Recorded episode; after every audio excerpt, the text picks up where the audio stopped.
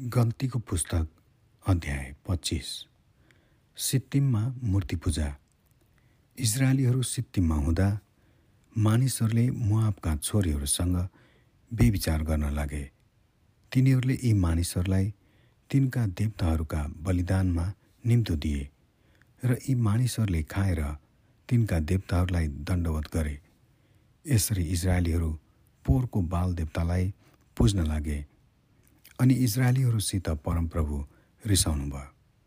परमप्रभुले मोसालाई भन्नुभयो यी मानिसहरूका सबै नायकहरूलाई लिएर मार र परमप्रभुकै सामुन्ने चर्को घाममा राखिदे कि परमप्रभुको भयानक क्रोध इजरायलीहरूबाट हटोस्। मोसाले इजरायलका न्यायकर्ताहरूलाई भने तिमीहरू हरेकले पोहोरको बाल देवतालाई पुज्ने सबै मानिसहरूलाई मार्नुपर्छ। इजरायलीहरू भेट हुने पालको ढोकामा रोइरहेका थिए। त्यसबेला एकजना इजरायलीले मोसा र इजरायली समुदायकै सामुन्ने आफ्नो परिवारमा एउटी मिद्याने आइमाईलाई ल्यायो। जब एलाजारको छोरो हारुनका नाति पिनहासले त्यो देखे तब तिनले समुदायको मध्यबाट उठेर आफ्नो हातमा एउटा भाला लिए।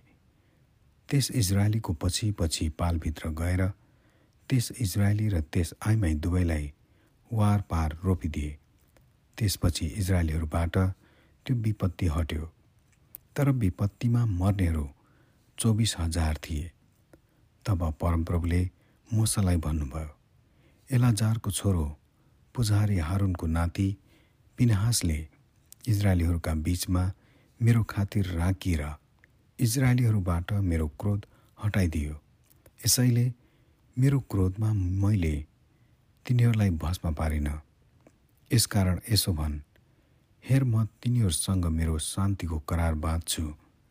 त्यसलाई र त्यसको वंशलाई पनि सधैँको लागि पुजारी पदमा स्थिर गरिनेछ। किनभने त्यो आफ्ना परमेश्वरको निम्ति जोसिलो थियो।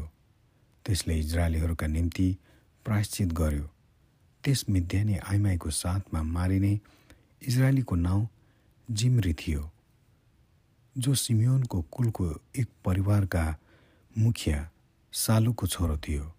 त्यो मारिने मिद्यानी आइमाईको नाउँ चाहिँ कोजवी थियो जो मिद्यानको एक घरानाका मुखिया सुरकी छोरी थिए। फेरि परमप्रभुले मोसालाई भन्नुभयो मिद्यानीहरूलाई सताएर मार किनभने उनीहरूले पनि तिमीहरूलाई सताए र पोहोरमा छल गरे पूजाआजा गर्न लगाए। जुन बेला मिध्यानका मुखियाकी छोरी कोजिबी पोहोरको विपत्तिको दिनमा मारिएकी थिए। आमेन।